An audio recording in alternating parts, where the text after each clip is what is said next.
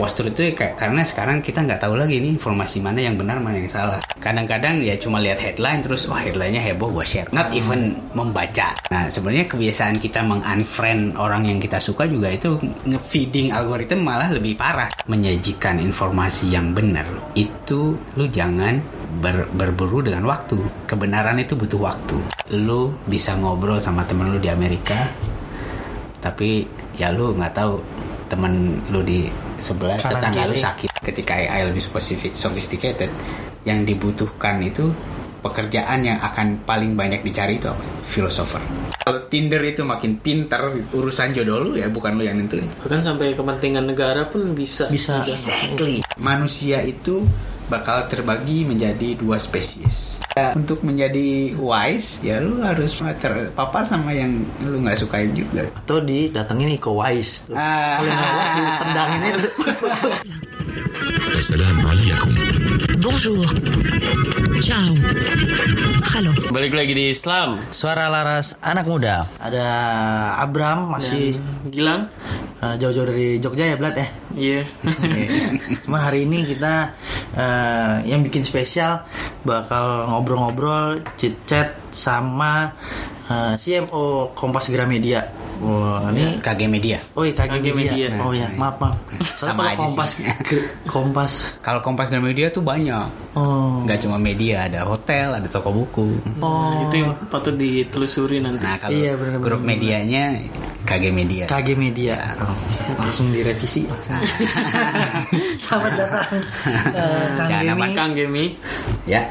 Oh iya, terima kasih. Terima kasih. Eh, Bram. Sudah sempetin waktunya ke sini. Eh Ya. Sini kita yang sini mana? Kita yang sini kita langsung ke ruangannya.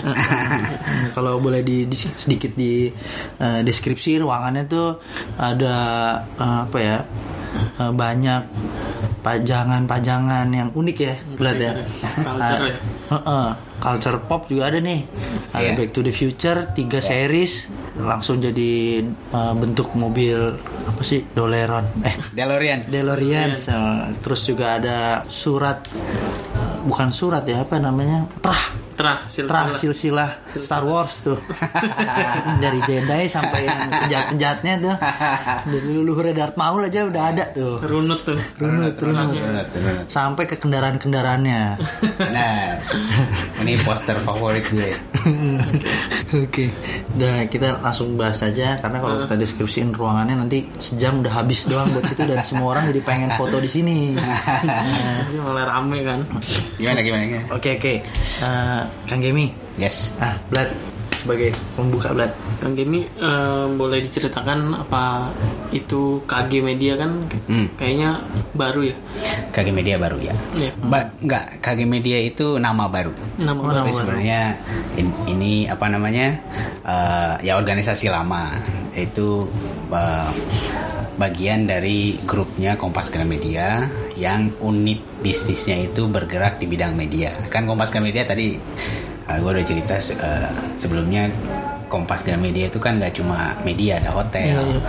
ada apa namanya toko buku, ada percetakan gitu. Nah, unit-unit usaha yang tergabung di KG Media itu yang bergerak di bidang media saja.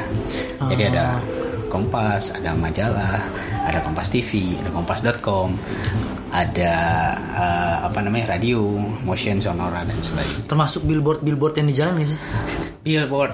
Eh, kita ada satu unit usaha eh, media agency yang memang eh, ada punya beberapa inventory billboard, tapi Oh. tapi nggak banyak, tapi nggak banyak.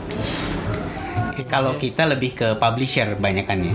Oh. Publisher tuh ya, ya yang produce konten, Iya, iya, yang produce iya. konten.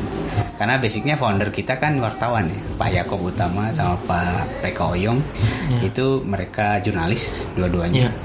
Eh, jadi memang KG, KG sendiri ber, apa eh, berdiri eh, dari basisnya emang media gitu. Core-nya. Koran. Core-nya. Core-nya itu media gitu. Sampai akhirnya diversifikasi di tahun 70-an eh, karena satu dan lain hal harus diversified. Akhirnya mereka punya ya kita punya hotel, punya toko buku itu salah satu usaha untuk mempertahankan agar core bisnisnya itu tetap eh, jalan. Jalan. Itu ceritanya kalau kayak media. itu jadi udah kayak apa sekelumut cerita story of kompas tuh jadi. Flashbacknya. Makanya jadi juri jadi juri gitu Cuman sayang pas cerita nggak jumpa Ya sayang banget ya, ya sorry banget ya nggak datang ke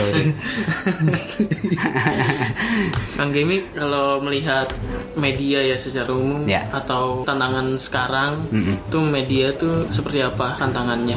Media itu tantangannya eh, banyak lagi banyak banyaknya dari sisi bisnis maupun dari sisi apa ya dari sisi eh, media as eh, as konten gitu ya, sebagai sebuah produk gitu.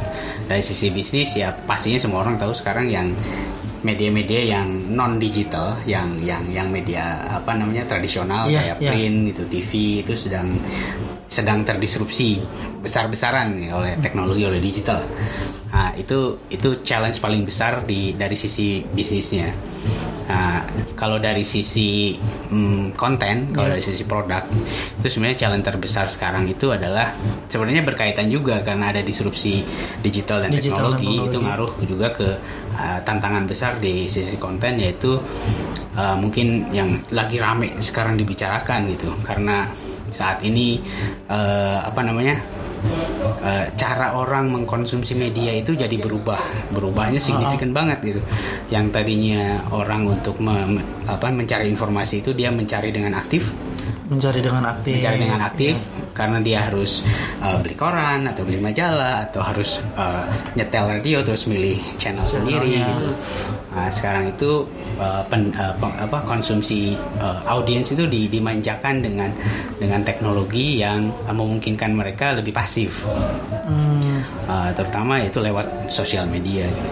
Nah, tantangannya ke konten adalah munculnya uh, munculnya ketidakpercayaan terhadap konten karena uh, begitu banyaknya informasi yang beredar di internet Iya.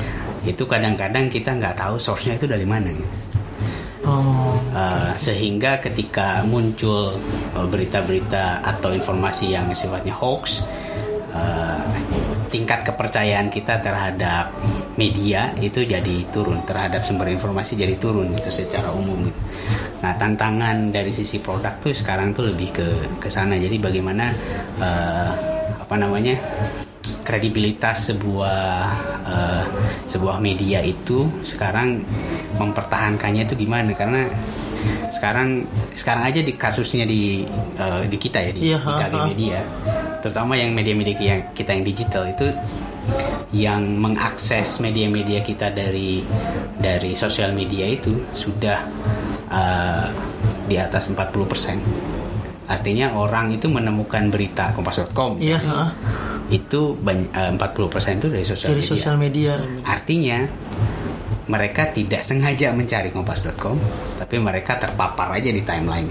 Iya iya Nah itu kan satu loyalty berkurang, eh, loyalty terhadap brand. Yang kedua ya tadi eh, mereka jadi lebih pasif. Nah itu yang tantangannya itu eh, sekarang buat media adalah eh, banyaknya kalau kita istilahnya kan eh, apa namanya information overload gitu iya iya dan itu akibatnya itu uh, apa namanya kita audiens tidak bisa membedakan ini berita benar apa enggak ya ini source-nya dari mana ya pokoknya muncul di timeline gue ya Jadi gue gue lihat jadi kebaca ah, gitu kebaca uh, terus oh heboh gitu. terus gue share lagi gitu kan Ya. itu jadi bergulung terus gitu nah tantangannya itu sih kalau misalnya tadi nah yang tantangannya Hmm. pertama ya disrupsi bisnisnya yang kedua ya akibat uh, teknologi itu uh, apa namanya distribusi informasi yang yang valid itu jadi semakin blur makanya Iya. ada istilahnya kan sekarang post truth ya post terus Nah, post truth itu kayak- karena sekarang kita nggak tahu lagi nih informasi mana yang benar mana yang salah.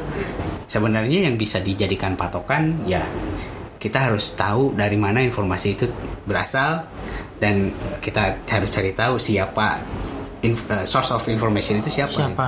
Jadi semakin penting juga nih eh, apa namanya keberadaan brand-brand media sekarang. Kalau misalnya tadi kan pembacanya yang atau enggak ya orang yang akhirnya baca Kompas itu kan 40% dari sosial media dulu gitu di papa. Tapi bukannya kalau Kompas kan udah established gitu maksudnya orang tuh ngelihat dari medianya tuh oh kompas jadi dia di kompas berarti tuh nggak mungkin hoax bukannya gitu juga ya Betul, betul. Eh, jadi kalau logikanya seperti itu, cuman pada pada kenyataannya, misalnya orang dapat ada muncul apa terpapar berita di timeline, Iya, gitu. Facebook ya mau Iya. Twitter gitu. Kadang-kadang ya cuma lihat headline terus, wah headlinenya heboh, gue share. Not even membaca, Iya, ngeklik iya, linknya iya. gitu. headlinenya heboh, gue share. Yang penting, jadi eh, eh, kecenderungannya sekarang eh, apa namanya cepet-cepetan sharing eh, dibanding eh, membaca, memahami gitu. Kan kan informasi itu mestinya itu nggak cuma dibaca, cuman di, tapi dipahami kan. iya iya Nah, m- masalahnya lagi banyak banyak eh, pembuat-pembuat konten eh, berita yang memang kontennya juga tidak memberikan eh, value apa namanya tidak mem- memberikan pengertian yang yang yang Dalam lebih gitu. penuh gitu Oh. terhadap sebuah subjek. Jadi memang eh, apa namanya bahasanya dangkal gitu. Itu juga salah satu tantangan. Nah, tapi hal itu sebenarnya kalau misalnya kalau misalnya gue lihat dari sisi sisi bisnis lah ya. Iya.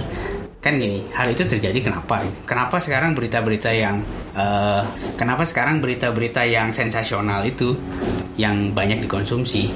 berita-berita lain today lah gitu berarti. Eh, eh, yang sensasional ya Eh, apa namanya Eh, kadang-kadang ya satu kan gini mestinya satu objek berita satu satu eh, topik berita itu kan mestinya dilihat dari berbagai angle gitu.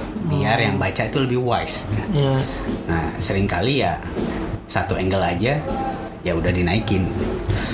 Karena mengejar isu dan sebagainya. Nah kenapa begitu? Karena memang sayangnya ya kalau gue ini paradoks yang terjadi karena teknologi ya. Ah, ah. teknologi itu mem- mempermudah orang me- mencari informasi tapi di satu sisi juga eh, karena di bisnis digital online itu bisnis modelnya itu sekarang cuma satu yaitu advertising.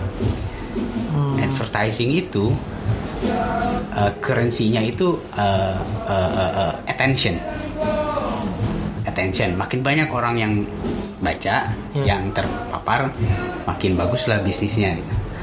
nah sayangnya lagi di, di, di- ini tadi baru kita baru kita bahas juga sama teman-teman di sini Iya. sayangnya lagi populasi audiens kita di Indonesia itu memang lebih senang konten-konten yang sifatnya menghibur dibanding informasi-informasi yang lebih dalam gitu Oh. dan itu data. Nah, kalau sebuah misalnya gini, kalau sebuah organisasi berita eh, bisnis modelnya advertising, berarti dia cari duitnya dari dari advertising. advertising Eh, berarti dia harus bagaimana caranya yang baca banyak. gitu. Ah, Terus dia make memakai apa namanya? memakai data ini topik apa sih yang paling su- disukai orang gitu. Ah. Kadang-kadang sosial media jadi acuan itu itu karena itu. Baga- Karena bagaimana caranya page gue makin banyak, iklan makin banyak. betul Nah itu itu salah satu alasan kenapa konten-kontennya itu uh, yang populer itu justru konten-konten yang yang lu tadi bilang mungkin lebih dangkal ya. Ya karena memang itu eh, apa namanya itu ke apa kenyataannya memang audiens kita lebih sukanya yang seperti itu. Sebagian besar Indonesia itu Iya, iya. yang massnya itu sukanya yang seperti itu. Nah itu kan menjadi menjadi kayak apa ya kayak kayak eh, challenge lah buat Betul, betul. buat institusi jurnalisme. Karena eh, kalau misalnya kan ini pilihannya.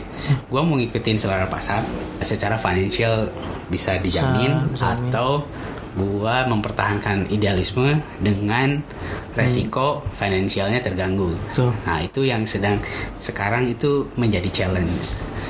Eh, ya ya kondisinya begitulah kalau Iya, media iya, iya. sekarang itu. Jadi gimana caranya? Se- sebenarnya eh, media itu sekarang eh, survive dengan tetap mempertahankan idealisme. Nah makanya obrolan-obrolan kayak gini nih sama kita tuh lebih banyak audiens audiens yang kayak kalian-kalian ini sebenarnya. Hmm. gimana? Sekarang ini kita nggak punya data. Sebenarnya kan gini ada kita itu menyamaratakan milenial ya. Oke. Milenial, anak muda lah ya. Anak milenial udah kayaknya out of date gitu. Menyamaratakan menyera- menyamaratakan anak, Anak muda, muda. karena ya anak muda yang kelihatan sekarang anak muda yang ada di sosial media yang mereka ya mereka suka ya baca-baca berita yang menghibur saja gitu Iya. Ah, eh, bagaimana cara eh, kita juga butuh tahu sebenarnya anak-anak muda itu gue yakin sih banyak yang suka info masih mau membaca informasi-informasi yang lebih meaningful gitu ya. Hmm. Tapi kita juga nggak belum tahu itu berapa banyak sih mereka. Makanya gue gue gue senang sih ngobrol-ngobrol kayak gini karena harapannya ya komunitas yang yang yang kalian bangun ini ya sebenarnya itu harapan apa namanya survivalnya media-media yang yang yang yang masih mempertahankan idealisme gitu. Iya. Kalau kalau misalnya kalau misalnya gue bisa menduplikasi komunitasnya kalian tuh kan itu itu ya itu masa depannya gimana cara membalikan lagi eh, eh, eh, real journalism itu jadi lebih banyak yang baca gitu. Iya sih. Sekarang kalau kita nggak bisa merem juga, misalnya tahta terbesar, misalnya subscriber di YouTube gitu kan dua nama besar itu pun juga, Iya. ya total itu isinya kontennya Ya begitu. hiburan yang Betul, betul. yang hiburannya juga, ya juga sebenarnya ya, gitu benar, aja benar, gitu kan. benar, benar. Hmm. Nah, ini ini gue menarik juga gue lagi eh, apa namanya kan salah satu salah satu kerjaan gue di sini lah ya. Yes. Gimana? Uh, itu mencari uh, mencari apa namanya uh, uh, uh, mencari ber, menca- berinovasi mencari source of revenue baru di luar advertising Oh. karena kita tahu advertising itu ujung-ujungnya itu populis Ujungnya populer. Advertising populis. Karena ya itu tadi currency-nya itu attention. Uh, ketika kes- ketika kita kalau kita ngikutin bisnis model yang satu itu aja uh, maka ya yang terjadi produknya itu bakal ngikutin selera pasar tadi yang sayangnya terbentuk oleh algoritma. Hmm. karena yaitu 40% mungkin sekarang 40% dari sosial media. Uh, Iya, iya. Mungkin tahun depan naik tahun depan naik lagi gitu Iya, karena pengguna sosial media kan naik terus Pasti. Nah, masalahnya sosial media kan yang yaitu si yang kita sebut algoritma bubble, Bubble tuh. di mana yang yang dipaparkan ke timeline kita kita semua ya hal-hal yang kita suka Aja. aja. Mm-mm. Nah itu kan kalau ini eh, eh, eh, prinsipnya kan gini, that is now how the universe work gitu. Iya. Kan kalau misalnya dunia nyata, lu mau suka mau enggak, ya udah di- terpapar aja lu gitu kan. Iya, iya, iya. Nah, tapi kan itu bikin orang jadi lebih wise kan. Benar. Karena lu tahu nggak semua yang gua mau bisa tercapai. Betul. Gua bisa belajar Belajar dari dari dari yang hal yang buruk buruk, gitu. iya, betul. Tapi itu tidak terjadi. Sayangnya tidak terjadi di algoritma karena yang dipaparkan ya hal-hal yang kita suka doang. Hmm. Nah, kenapa sosial media algoritmnya kayak gitu ya sama karena bisnis model mereka advertising. Hmm. Google, Facebook kalau lihat uh, annual reportnya mereka revenue terbesar dari advertising. Iya, iya, iya. Artinya algoritma yang mereka desain di timeline kita kita semua purpose-nya itu untuk memperbaiki performance iklan. Itulah kenapa mereka ngasih hal-hal yang kita sukai doang karena itu buat mengidentifikasi nantinya kalau ada pengiklan yang eh, cocok dengan interest kita mereka Wah, masuk tembak ya kan? Makin bagus kita mengidentifikasi profil pembaca atau audiens yang makin bagus performance iklannya. Nah sayangnya ketika itu di dalam konteks informasi sekarang kalau kita menyerah pada algoritma eh, kita tidak punya pers- perspektif lain. Hmm, dan itu akan mengurangi wisdom sebenarnya. Jauh ya, jauh sangat sangat mengurangi jauh. wisdom ya. ya akibatnya ya polaritas. Polaritas. Nah eh, eh, si Mark Zuckerberg pernah pernah berargumen sih tentang Iya, itu tentang itu. dia bilang eh, justru kalau misalnya kita paparkan hal-hal yang misalnya gini eh, eh, misalnya kalau misalnya yang satu adalah kasarnya yang satu cebong yang satu Iya, kampret gitu ya iya, ha. kalau misalnya kita adukan uh, komunitas itu di dalam satu uh, timeline, dia uh, dia argumennya justru itu akan memperburuk uh, apa namanya polaritas, Hmm, karena akan malah jadi perang Betul, gitu ya ya. di situ. Tapi sebenarnya kan uh, apa namanya ya itu tadi justru pol- uh, si- silent polaritas yang silent itu yang yang lebih laten kan karena orang makin makin terpolaritas jauh kalau misalnya ya udah gue bacanya ya yang gue suka doang gitu gue cuma baca berita-berita uh, tentang uh, uh, uh, misalnya yang, ya, yang lagi hangat sekarang capres yang gue suka doang Iya, gitu. iya, iya. tanpa gue pernah mempelajari Oh, iya, pandang perspektif yang, yang satu lain. lagi kayak gimana Iya. gitu. Ah, itu itu itu itu yang terjadi sama kita sekarang itu sayangnya. Nah gimana ngebreaknya? Sebenarnya harusnya kita lebih aktif mencari informasi. Jangan males gitu. Jadi kayak ada apa ya? Jadi menentukan pilihan kita sendiri, maksudnya konsumennya sendiri untuk betul yang sebenarnya behaviornya ganti di Benar. yang kayak yang mungkin 10 tahun yang lalu kali atau 15 tahun yang lalu gitu sebelum ya. benar sebelum 15 yang tahun yang lalu benar. informasi secara aktif gitu. kita harus lebih mindful lah kalau kalau menurut gue. Lebih mindful uh, awareness kita harus bagus. Kalau misalnya ya kita kita nggak bisa pungkiri. Gue juga kan uh, uh, uh, gue enjoy Instagram enjoy Facebook gitu buat entertainment gitu ya. Cuman selama kita mindful kalau oh ini timeline itu yang ini yang masuk ke gue itu yang gue suka doang. Iya, iya. selama kita mindful gitu abis itu kita berusaha aktif mencari tahu ada perspektif lain gak sih tentang satu isu gitu. Ah. nah itu ya di mana carinya ya mestinya di di di di di sumber-sumber yang terpercaya di media-media yang memang kalian tahu itu terpercaya gitu sumbernya Eh, apa namanya mau di media eh, apa namanya media eh, o- offline mau online yang penting source-nya jelas gitu carilah perspektif lain di sana Nah, sebenarnya kebiasaan kita meng-unfriend orang yang kita suka juga itu nge- nge-feeding algoritma malah lebih parah gitu. Oh. oke Karena karena algoritma akan belajar kan, oh si Gemi gak suka orang ini karena orang ini sering posting hal-hal yang Kayak gimana? kayak gimana gitu. Ya itu makin menjauh tuh uh, polaritasnya. Oh. Jadi kalau makanya kalau dulunya gue juga gitu, Iya. oh, yang nggak suka gue unfriend aja deh gitu, atau gue block gitu. Tapi sebenarnya setelah kalau misalnya kita lebih mindful, ya udah biarin aja toh. Uh, kita jadi belajar oh mereka cara berpikirnya kayak gini. Oh kenapa mereka ngomong yang sesuatu yang gue nggak setujuin karena gini gini gini. Nah itu kan jadi bikin kita jadi lebih wise jadi ketika kita dikonfront sama mereka mungkin kita jadi lebih at least lebih sabar lah. Karena kita mengerti kenapa mereka bersikap begitu kan? Iya, perspektif yang benar. kalau kalau lu cuma taunya program capres satu ya, ketika satu lagi ngomong ya hajar gitu. Karena kita nggak ngerti. Nah itu eh, cara meranginya ya kita harus lebih mindful kita harus lebih aktif lagi mencari berita gitu.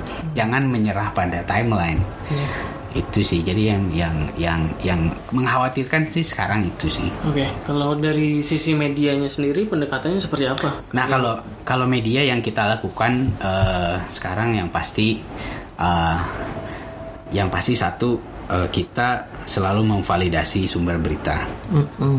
Jadi eh, pokoknya di semua media yang ada di kita itu eh, berita berita hoax itu udah haram banget lah ya. Banget. haram banget. Eh, eh, apa namanya terutama di di di di media-media yang brand brand Kompas lah ya. Itu udah pasti haram. Bahkan si Kompas kan sekarang udah punya sertifikat anti hoax. Eh, di kompas.com sendiri eh, ada apa namanya ada screening. Jadi tidak semua kan kalau di media kalau di media basically reporter kirim materi ke editor Hah? Eh, editor eh, mengedit terus naikin kan Ya. gitu. Nah, kalau di kita tidak semua materi dari reporter itu bisa begitu saja naik jadi ini. Si editor punya kewajiban untuk memvalidasi. Hmm. Dia nelfon polisi ke, dia nelfon narasumber dan ini benar nggak beritanya kayak ini. Nah, proses itu yang yang yang yang yang harusnya dilakukan dan memang kita lakukan. Jadi memvalidasi berita, at least berita itu benar. Yang kedua, Berita itu suci lah. berita itu susah. ada ada gini gini. Kalau di online itu ada ada ada bukan perang ya. Ada kalau di berita online itu ada ada mm, peperangan inter eh, apa namanya dalam eh, internal lah. Lu mau lu mau naikin berita itu cepet-cepetan? Atau lu mau nunggu sampai berita itu valid benar baru Oh, dinaikin Oke oke. Ya ya ya. karena di dalam online siapa yang paling cepat naikin Iya. berita itu yang bakal Yang dapat atau yang audiens paling gede. Paling gede. uh, di kita itu waktu itu gue pernah dengar uh, speech ya dari mantan uh, salah satu uh, apa namanya redaksi uh, uh, Kompas. Eh, sekarang dia do- eh, apa namanya rektornya U- UMN. Rektor dia UMN. bilang kebenaran itu butuh waktu. Nah itu nempel banget di gue. Kebenaran itu butuh waktu. Jadi kalau lu mau menyajikan informasi yang benar, itu lu jangan ber- berburu dengan waktu. Karena kebenaran itu butuh waktu ya, karena harus divalidasi. Iya, betul. Kalau nggak yakin 100% lu kadang-kadang lu harus Cek datangin ulang. lagi, cek ulang dan sebagainya. Eh, jadi sekarang Kompas itu sudah kompas.com ya yang Ah. online Ya. itu dari dari dulu bahkan kita sudah uh, prinsipnya kita nggak mau cepet-cepetan kita harus beritanya valid dulu baru berita itu naik daripada kita lebih baik telat daripada harus mengoreksi sebuah berita Daripada mengoreksi buat jadi berita yang udah naik terus kan kalau online kan Koreksi. karena bisa dikoreksi kan kalau online Iya. Kalau online kan naik satu paragraf dulu naikin lah ntar kalau misalnya ada berita lain ya tinggal dikoreksi aja diedit Hmm, lagi diedit lagi. dibenerin tapi kan yang naik pertama itu udah ternyebar duluan. Nah itu yang kita hindari. Makanya di- kalau di kompas.com itu kalau misalnya gini, contoh kasus ya, Iya, iya. ada ledakan di Kuningan misalnya. Iya. Kompas.com sebelum dikonfirmasi sama kepolisian, ya itu bom, dia pasti nulisnya ledakan. Gak pernah, gak bakal nulis itu bom. Hmm. Media lain mungkin udah nulisnya ada bom, ini, ada bom. Kalau kompas.com tuh sangat menjaga itu. Sebelum dia confirm dari pihak kepolisian itu bom bukan pak. Sebelum kepolisian ngasih validasi yang pasti pernyataan resmi bahwa itu bom, itu kita nyebutnya ledakan. Nah, culture-culture seperti itu yang yang yang yang kita jagain ya karena eh, sekalinya berita salah tersebar kita akan sulit lagi nariknya. Betul, betul, betul. Nah, media itu men- dari sisi konten itu yang di dijaga sebenarnya. Ibaratnya sekarang sekarang tuh aja eh, berita kan misalnya dari sat- salah satu akun postingan Instagram gitu, dia aja udah di take out, tapi dia Iya. sudah sempat capture, Udah capture. di grup-grup gitu kan, Iya. dan, dan, dan, ini yang belum di take out, belum ada di take Iya, out, gitu. benar, benar, benar, Itu benar, udah. benar, benar. Ya, benar. Dan Iya. kita kita juga bukan so suci ya. Kita juga mungkin ya beberapa kali melakukan kesalahan. Ya, cuman ya prinsipnya prinsipnya kayak kayak gitu kalau di sini sih. Oke. Iya, iya. Kang Gemi, kalau misalnya ngikutin tadi apa yang kita sukain tuh konsumen kan. Kalau misalnya KG Media itu menjaga porsi berita terlebih ketika lagi apa namanya eh, capres ya, maksudnya semua informasi ketika kita lihat sosial media itu pasti politik, Ya. ngelihat TV politik, Politik. terus misalnya ngelihat artikel politik. Ya. Nah, bagaimana menjaga porsi itu setiap hari supaya mungkin dari sisi konsumen tuh juga Bosan. tidak terbentur hal-hal itu terus tapi bagaimana menanggapi bahwa dari sisi bisnis itu juga menjadi satu hal yang mengikuti pasar selera pasar ya gitu ya. Hmm, hmm. bagaimana men- menanggapi dua sisi itu yang mana konsumen bisa bosan dan jenuh mungkin Hmm, hmm. Nah kita kita sebenarnya gini. Pertama kalau kalau konteksnya pilpres nih ya, Iya, kalau KG Media itu udah dari tahun kemarin itu kita udah sepakat dan sudah di secara formal kita internal kita kita kita selalu tekankan kalau KG Media itu harus netral. Gitu. Uh, karena ya kita juga memang posisi posisi kita memang kita tidak berafiliasi dengan partai politik, kita tidak berafiliasi dengan salah satu capres dan Dua-duanya. Dua-duanya kita kasih porsi yang sama. Uh, itu kalau berita politik jadi uh, kita uh, waktu itu Pemret Kompas nggak lama sih kemarin uh, sempat ngomong juga pokoknya di di di pilpres kali ini Kompas itu role-nya harus sangat-sangat tegas bahwa role kita adalah kita yang menjaga persatuan Indonesia. Jadi jangan sampai uh, kita uh, apa namanya ngelin ke salah satu pasangan pasangan Iya. gitu. Karena uh, apa pun yang terjadi, siapa pun yang nanti yang jadi itunya apa presidennya, kita harus tetap Indonesia gitu ya. Iya. Nah itu itu sebenarnya posisi kita sekarang nih kita yang jaga. Nah kalau terkait ini sekarang politik politik politik kita nggak nutup nutup mata sih karena kita juga ngelihat data ya terutama kalau data di media online kan jelas uh, berita apa yang paling banyak dibaca orang. Nah, saat ini memang berita yang disukai orang ya berita politik. Sangat kecil, eh, bukan sangat kecil. Berita yang non politik itu sekarang emang lagi ke ketutup lah sama berita-berita politik. kurang lezat lah. Kurang kurang ah, kurang yang yang baca itu kurang banyak lah. Tapi sebenarnya kalau dilihat dari data-data terakhir eh, mungkin benar ya ada sebuah apa kebosanan kali ya, eh, sebuah eh, orang capek jenuh banget gitu kan. banget. Jenuh banget politik lagi, politik lagi. Kita Ini juga ngelihat suara suara anak muda juga.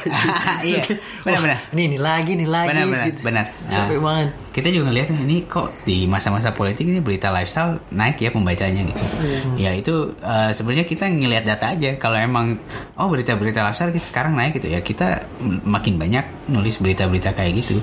Eh, cuman kalau ditanya ngasih alternatif nggak sih buat membaca? Tergantung brandnya sih, brand berita di kita ya. Ka- karena kalau Kompas itu emang news gitu. Eh, apa namanya news? Kalau news ya ya ya ya apa namanya current affair lah yang banyak kita bahas gitu ya. Sekarang current affairnya yang lagi banyak ya politik. Tapi di sisi lain juga kita kan kanal-kanal lain juga banyak, lifestyle ada ada budaya dan sebagainya. Cuman memang itu tidak kelihatan kan kalau di digital makin banyak dibaca makin sering muncul. Iya. tidak kelihatan kalau yang baca juga nggak nggak nggak nggak banyak gitu.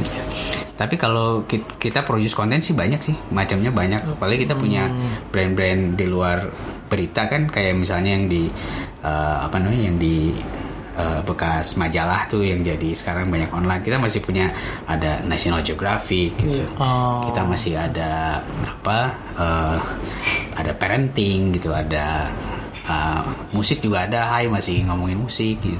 Uh, otomotif juga masih jalan gitu. Itu masih banyak. Tapi memang kalau pertanyaan lu uh, kita banyak bahas masalah culture nggak ya? Hmm. sebenarnya banyak tapi tidak lebih banyak daripada politik sosial ekonomi. Oke. kesulitannya bukan kesulitan challenge-nya itu adalah eh, kalau menurut gue challenge-nya adalah source-nya juga source-nya juga mungkin nggak banyak gitu. tapi yang paling nggak banyak lagi yang baca Baru pengen ditanya tuh. Abis kayak jangan-jangan kayak nggak bisa juga karena eh nggak bisa jadi prioritas karena yang baca, Yang baca dikit. juga Dikit. dikit kali ya. Ah, Oh, Oke oke. yang baca dikit kita sempat pernah ngedorong science nah itu tapi ada jebakan ya lagi-lagi jebakan algoritma ya jebakan eh, science yang orang suka itu science science yang aneh-aneh UFO lah Oke oke. supranatural lah gitu Iya iya iya. nah itu itu uh, itu yang banyak dibaca gitu dan dan dan kita akhirnya ngerem karena kayaknya me- mestinya sains itu bahasanya bukan ini sih jadi kita juga mindful gitu Jadi sci-fi jadi. jadi sci-fi benar benar benar benar Jadi kayak itu pengen nyeplokin Star Wars aja deh. iya pembaca kita tuh aneh mungkin ya Hmm, kalian Star harus Trek. Lebih sering-sering baca Kompas.com lah biar bantu algoritmnya Soalnya kan gimana dong ya? Mereka mintanya gitu-gitu sih ya. benar benar malah gue gue uh, uh, katanya sekarang itu lucunya ya, teknologi itu kemajuan teknologi itu ngasih paradoksnya lain itu di salah satu sisi uh, teknologi informasi itu menyatukan manusia menjadi komunitas global Heeh. Iya. tapi di sisi lain justru mem- membuat polaritas makin makin Masing-masing besar gara-gara algoritma itu dikuasai oleh perusahaan-perusahaan berbasis iklan. Jadi mungkin lu bisa ngobrol sama temen lu di Amerika, tapi ya lu nggak tahu temen lu di sebelah Kanan tetangga lu kiri. sakit gitu.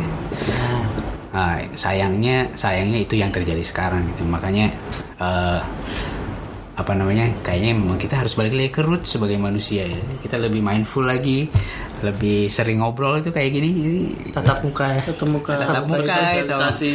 Uh, ketemu ngopi-ngopi gitu ya ngomong ya itu itu itu sebenarnya yang harus kita kita dorong juga sih PR-nya sekarang uh, komunitas online itu bisa didorong ke offline ya Hmm. Uh, orang-orang yang s- biasanya ngechat ngechat doang gitu atau misalnya komunitas-komunitas yang ada di kalau kita punya Kompasiana gitu. Kalau Kompasiana sih sering bikin kopdar, gitu Kopdar. Kopdar. nah itu bisa lebih di scale up lagi nggak ya yang begitu begitu kan PR-nya sih itu sih. Karena bahaya juga sih kalau misalnya anak-anak muda itu dari lahir eh sejak dia bisa baca bacanya sosial media gitu, iya, iya. bacanya itu itu aja gitu. Ngeri juga sih kayak misalnya anak-anak gue lah sekarang gitu, udah bisa nonton udah bisa milih YouTube lah. Heeh. anak gue 6 tahun umurnya. Ya. Eh, tadinya gue seneng wah anak gue bisa udah bisa milih-milih YouTube nih. Iya, iya.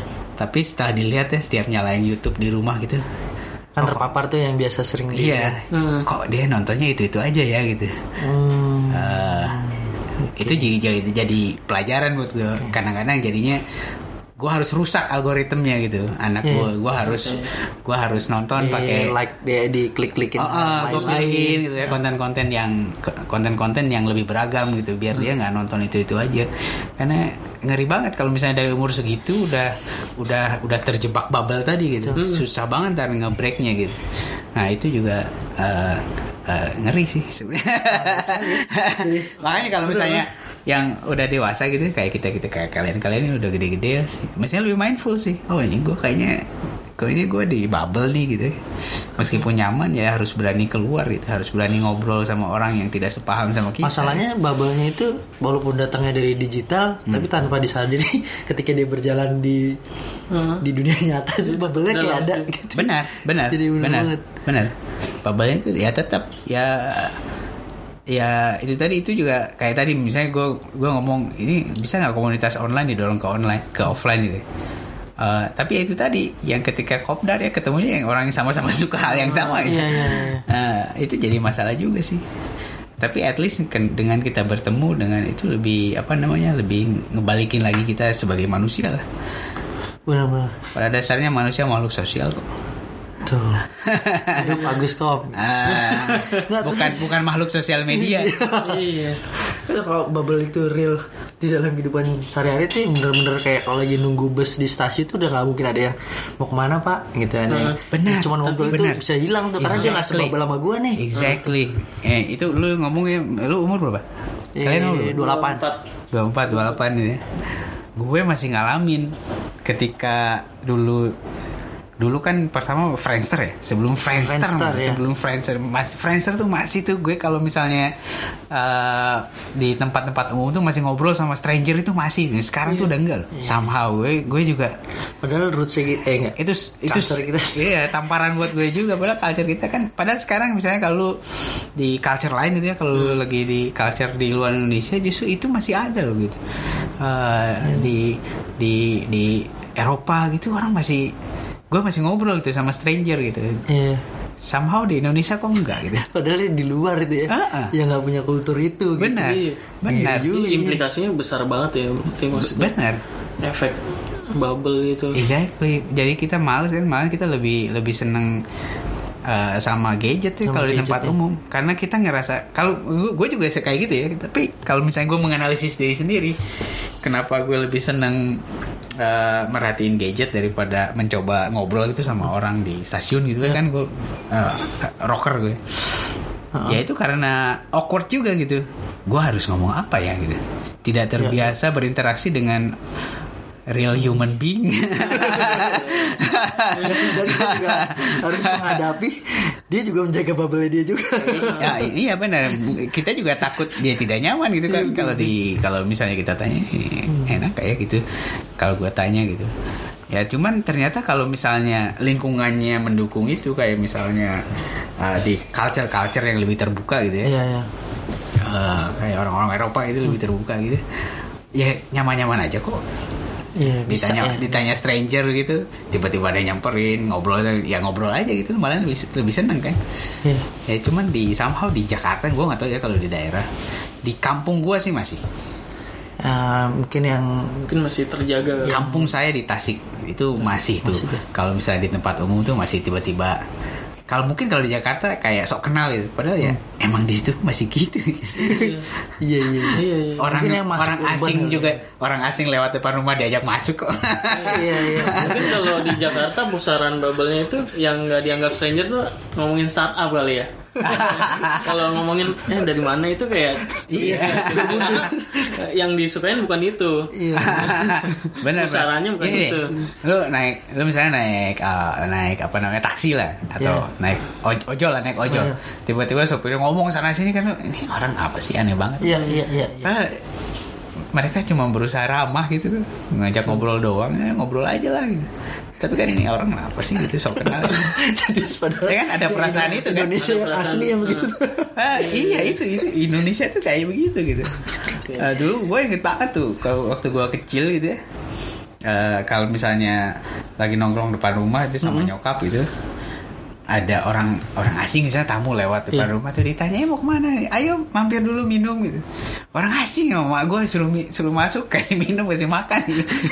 itu biasa banget gitu sekarang kayaknya agak aneh Agak ya. aneh ya. bukan bukan aneh takut juga ya. Ngeri, ngeri, ngeri sih, ngeri. Karena pusarannya bukan di situ kali ya.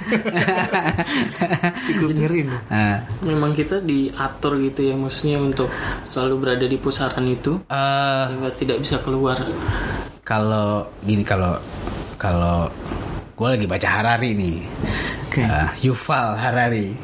Eh, bukunya 20 21 eh, lesson for 21st century. Buku ketiga mungkin lo bisa baca habis ini. Yang nulis sapiens juga kalau yang nulis Sapiens. Yang nulis Sapiens. Eh, eh, eh, dia bilang kan gini revolusi pertama itu revolusi agraris.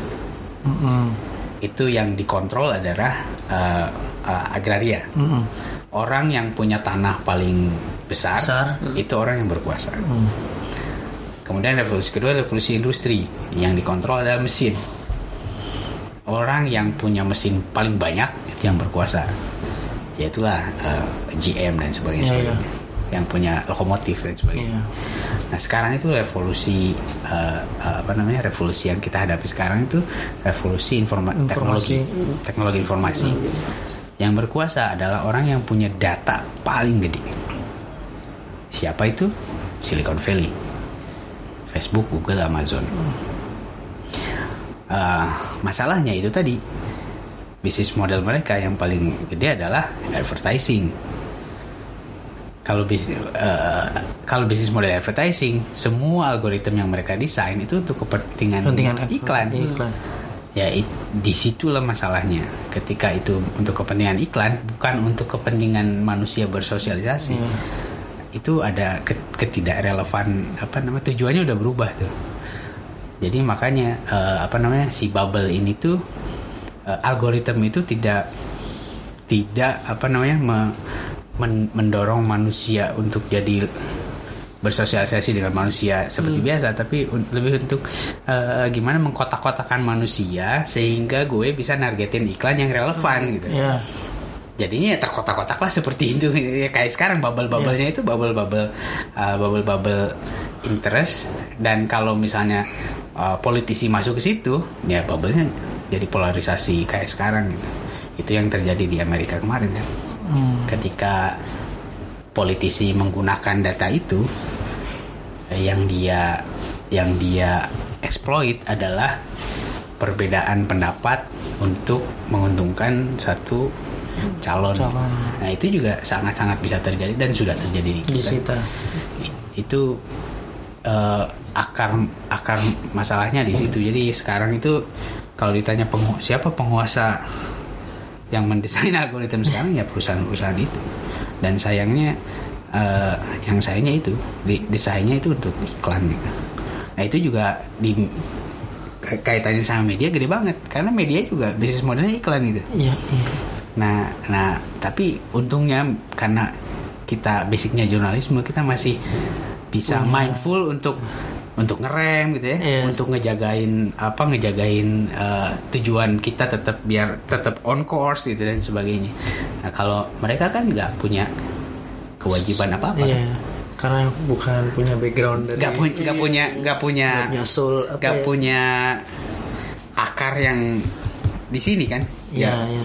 orang Facebook sama Google ya ya udah nggak nggak peduli juga gitu jurnalis juga eh, juru dagang gitu. dagang ikan. Dia, di situ lah jiwanya. nah itulah uh, challenge di media itu sih ya ya mudah-mudahan eh, harapan kita sih sebagai uh, sebagai media kita bisa menemukan pertama kita bisa menemukan bisnis model yang baru di luar advertising kenapa? Karena kita supaya kita tidak ketarik-tarik sama ya yang namanya tadi yang uh, tidak tertarik-tarik sama algoritma karena itu tidak bisa uh, apa namanya desain algoritma yang dibangun sama perusahaan-perusahaan itu sekarang itu sangat susah dilawan. Karena ya lu cari informasi di mana? Iya, ya di situ gitu.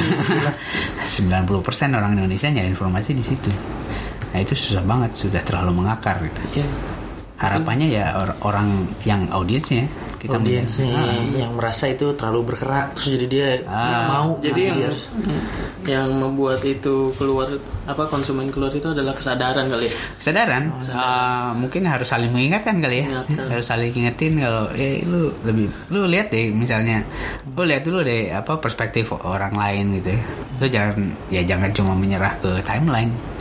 Ya film The Truman Show sih? Oh iya, iya, itu bukti babel nyata tuh. Awaken sendiri. Akhirnya iya. yang membuat itu kan kesadaran kan. iya iya benar benar benar benar Jadi Oh. tinggal di makhluk di bumi ini semua nih seberapa betah jadi Truman Show. Iya, iya. Gila nih. Benar, Sebenarnya benar, kita harus ngobrol sama Jim Carrey nih. Dia harus terangin nih. Lu waktu itu sadarnya gimana sih? Apakah pas lagi di putaran mobil itu? Iya, Kayak- iya. Iya Iya. juga tuh. Aware, ya, ya harus ngebantu awareness ya sih. Awareness Kadang- kadang-kadang ya gue sendiri suka lupa sih. Ini asik kan? Asik. Eh semuanya gue suka kok sih. Gue browsing gitu. Iya, karena suka sih ya. Ah, padahal ya untuk menjadi wise ya lu harus terpapar sama yang lu nggak sukain juga. Bener sih. Atau didatengin Iko Wise tuh. Ah. Kalau yang Wise ditendanginnya. Sadar tuh. Kok maaf kok ini kok gitu. Jadi bangun. Iko Wise mau gue taslim.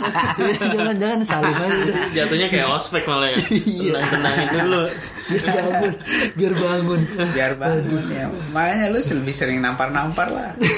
Nah, Iya. itu katanya slam buat nampar-nampar. Iya, Ya asik. sering-sering mengingatkan. Sering-sering mengingatkan. Meskipun jadi lebih sering diingatkan. dari Ya semua. sama-sama lah. Iya, Karena semua ya yang tua-tua juga suka lupa kan. Tapi benar sih maksudnya bahaya yang paling gede itu adalah ketika generasi after me gitu maksudnya generasi selanjut ini eh, besar dengan bubble itu sih. Benar. Terus habis itu kita baru ngeh gitu karena kita mungkin ud- ada zaman ngerasain tuh nggak nggak pakai bubble-bubble ini gitu. Terus dia tumbuh besar kok kok orang-orang kayak gitu gitu.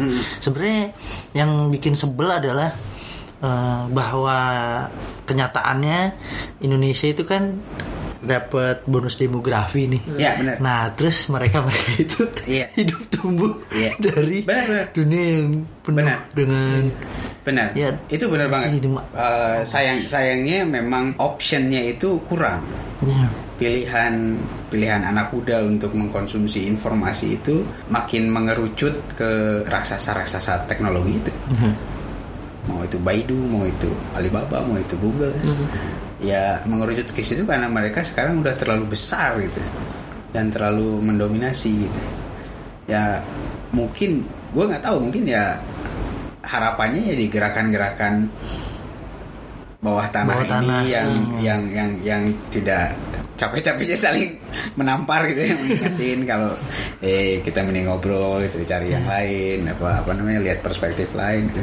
Makanya yang paling ngeri sebenarnya ada ada ada skenario ya di buku si Yuval Noah Iya, ha, ada skenario yang paling ngeri.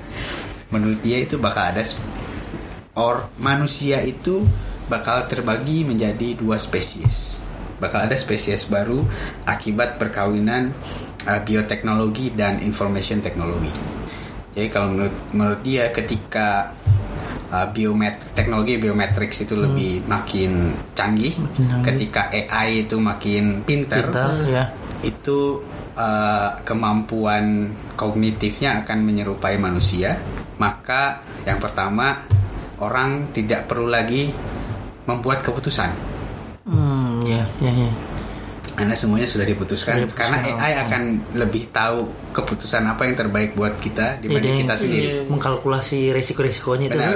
Gitu Jadi ya. lu harus cari pacar yang kayak gimana, lu iya. harus kawin sama siapa, lu Iya. tinggal tanya AI gitu.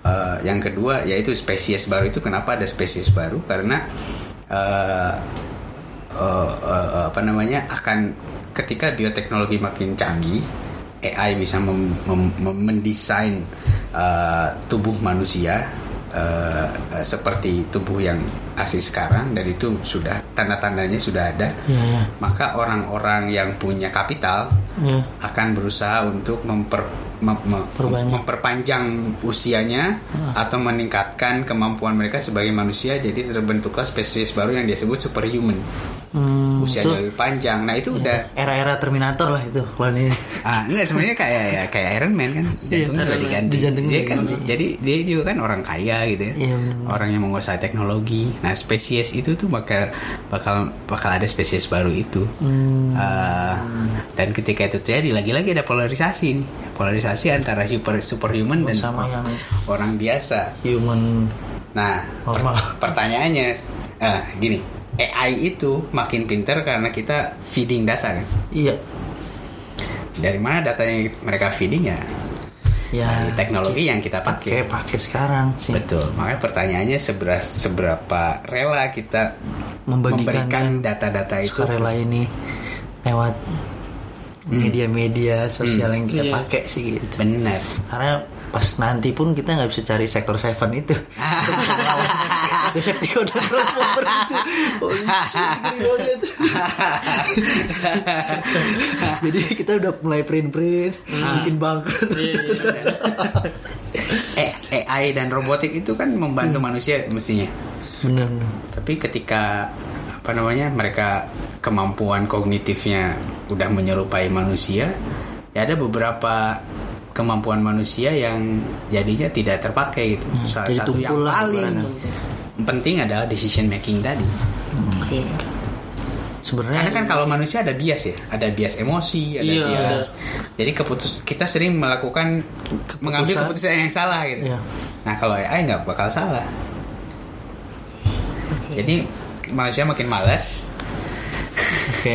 Kebayang gak lu? Lu mau eh, gue makan apa sih yang ya lu nanya aja machine learning. Bener Eh, banget. Google gue makan apa nih sekarang ini? AI-nya aja masih yang level sekarang nih. Ah. Kita, kita generasi yang bawah aja. Itu eh makan di mana nih gitu, ngetes gitu. Makan baru makan. Dia juga mikirnya udah uh, uh, uh, susah banget terus susah mungkin dia lagi cari set buka GoFood gitu. Er yang daftar pertama jadi itu yang sebagai rujukan mereka gitu loh. Ini baru AI tipe masih nyari nih, Nah, masih ada aktifnya nih. betul. Buka swipe, buka gini. Kalau nanti Nanti ya. Nah Nanti itu itu cantelan gini. itu pengambilan keputusan yang sederhana ya makan. iya. Lu bayang misalnya gue sekolah paling bagus buat gue apa sih? Gue harus kawin sama siapa? Kalau misalnya itu bisa ditentukan sama AI dan AI pasti tidak salah.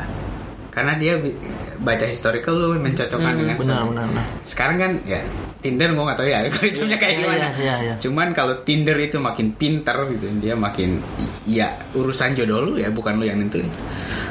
Bahkan sampai kepentingan negara pun bisa. bisa. Exactly. Ketika AI nah it- ketika AI kemampuannya udah seperti itu bayangin politisi masuk ke ranah itu Udah akan jadi apa negeri ini tinggal satu aja tuh ngatur.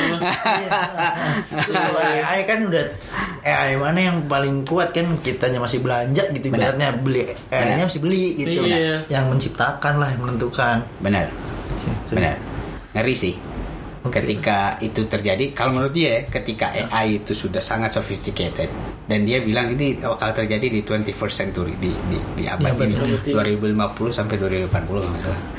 Eh, ketika AI itu sudah sampai level itu bahkan demokrasi akan terdisrupsi Betul. karena eh, voting itu ah, tidak ada Iya. Iya. Iya. semuanya diserahkan ke AI. Siapa presiden yang paling baik untuk Indonesia? AI akan lebih tahu dibanding orang Indonesia. Oke. Terus AI-nya punya ini kan punya will gue kata dia. jadi iya kan? eh, Benar. presidennya Iya. AI Benar, presiden bisa, bisa, jadi. bisa jadi. Gue gitu kalau yang kalau yang apa yang lahir di, dan ngerti tahun 2000-an sih mungkin presidennya eh hah Alan Iverson nah gitu. Mungkin sih wah hip hop nih gitu. Kalau di situ waduh. Kayak Matrix. Matrix iya Kita dipimpin mesin. Nah, tapi yang dia jamin sih, yang dia jamin uh, mesin itu tidak akan punya conscious. Artinya dia tidak akan punya ambisi. Dia Oke. akan cuma menjalankan sesuai apa yang dia didik gitu. Jadi kognitif mungkin akan mirip manusia tapi dia nggak punya conscious. Harapannya itu apa? Makanya kan kalau menurut dia dan gue juga dengar beberapa futuris yang yang ngom yang Coba pernah gue cerita, ya. ngomong gitu ya. Uh, termasuk perusahaan-perusahaan CEO uh, CEO-nya Microsoft ya Nadella ketika itu terjadi ketika AI lebih spesifik sophisticated yang dibutuhkan itu pekerjaan yang akan paling banyak dicari itu apa? Filosofer filosofer jadi kalau sekarang tanya lu sekolah eh, kuliah filsafat mau jadi apa kan sekarang bingung kan jadi oh gua kuliah filsafat. Nah itu itu the future job menurut mereka. Oke. karena karena filosofer itu adalah manusia yang bakal menjaga etik dari si artificial intelligence ini. Artificial intelligence kan nggak kalau dibiarin kan ya itu tadi nggak terkontrol kan. Tadi ada presidennya AI. Iya, iya. Nah si filosofer ini yang bakal jagain oke itu. Jadi salah satu the bright side of the story kalau lu kuliah di filsafat, Filsafat. Lu bakal digaji gede. Dalam 20 tahun ke depan. ya anak-anak. Wah gue ambil gitu. Dia jadi filosofer tapi soalnya karena cari duit. Bukan menjaga etika ya. duit gitu ya. tapi filsuf-filsuf yang modern nanti dia harus ngadepin ultron ultron itu. Iya, iya. Mereka yang harus jagain uh, policy. Iya iya. Karena ya itu tidak karena kalau kalau AI kan auto generate ya kemampuannya mereka kan terus bergulung bergulung bergulung. Yang bisa jagain ya menurut para futuris ya filosofer. Harus yang ini tuh harus yang ilmu pengetahuannya berseberang sana berseberang sini gitu ya. Nggak bisa tuh yang Multidisiplin gitu iya ya. multidisiplin yang dan multidisiplin. Yang yang lebih ini sih kalau kalau gue lihat yang lebih me- apa ya me- yang lebih human manusia gitu kayak uh, kreativitas gitu ya. Uh, apa namanya lebih humanis lah. Kreativitas filsafat itu adalah kemampuan-kemampuan yang bakal paling banyak dicari nanti ketika ketika Semua sudah- artificial intelligence makin canggih. Karena itu yang bakal jadi memisah membedakan manusia sama, sama mesin. yang mesin. Karena mesin mah nggak bisa kreatif. Iya sesuai ini ya, ya arahan. kreatif kan no novelty ya. Lu menciptakan sesuatu yang baru. Kalau mesin kan nggak bisa create something new. Dia belajar dia harus belajar dulu baru bisa create something. Kalau manusia kan nggak. Dia bisa aha punya ide Iya, apa gitu. bikin itu baru. kreativitas itu. Padahal kalau jadi hasil akhirnya kreativitasnya itu juga ya kadang kabur juga karena misalnya AI-nya bikin baru padahal itu hasil belajar dia gitu. Ya Ya. betul gitu. Nah jadi kalau balik lagi ke media ya tugas kita di sini sekarang kalau di Kompas ya Kompas dan grupnya ya itu tadi kita menjaga ke menjaga nalar lah kalau istilahnya. Iya, iya. istilahnya pemret kita? Kita tugas mulia kita adalah menjaga nalar agar manusia-manusia Indonesia itu tetap berpikir jernih. Makanya ini jernih melihat dunia. Iya, tetap jernih. berpikir jernih. Kompas.com tuh tagline-nya jernih melihat dunia. Itu harapannya karena kita pengen kita sebagai manusia Indonesia itu tetap jadi Indonesia eh, eh, eh, apa di tengah segala kekisruhan ini kita tetap merasa Indonesia yang majemuk yang beragam itu itu eh, salah satu misi kita ya di KG itu menjaga kemajemukan Indonesia malah itu terstate di, di corporate kita misi Iya. kita adalah menjaga kemajemukan, Kemajemukan Indonesia. Indonesia. karena hakikatnya Indonesia ya majemuk nah itu yang harus dijaga apa nalar gitu. jadi media punya tugas untuk gimana caranya agar orang itu tetap menjaga nalar itu jadi nggak kebawa-bawa emosi nggak Emosi kebawa-bawa apa namanya itu tadi kalau itu bubble lah dan sebagainya Iya. nah, itu juga butuh support dari dari masyarakat juga agar lebih mindful mencari informasi karena ya masa depannya itu kalau kita serahkan sama mesin kayak tadi Oke. kayak science fiction ya tapi Iya, iya. Tapi itu bisa terjadi sangat bisa terjadi. Kita mau nggak masa depannya kayak gitu? Kan gitu pertanyaan. Hanya kesadaran yang bisa membuat itu. Benar. Bangun, bangun.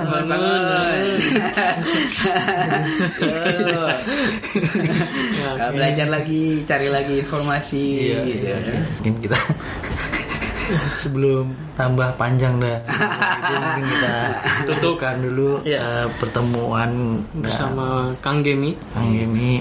mudah-mudahan meracaunya berguna pasti sangat bermanfaat ya demi membangunkan pemuda-pemuda yang sedang tidur. ya dan semoga podcast ini memberi kesadaran dan membuat kita jadi bijak Betul.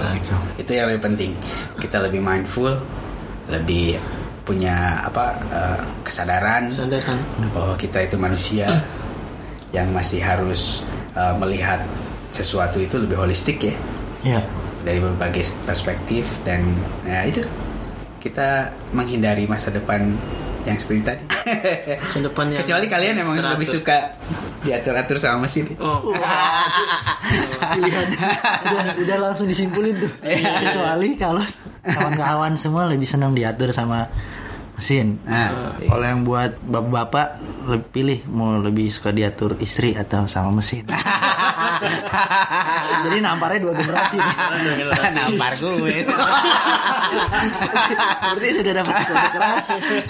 Tutup saja pertemuan kali ini. Terima kasih Kang Gemi. Sama-sama, terima kasih Saya- sudah berkunjung. Iya, saya Abram. saya Gilang Saya Gemi. Pamit. Dah.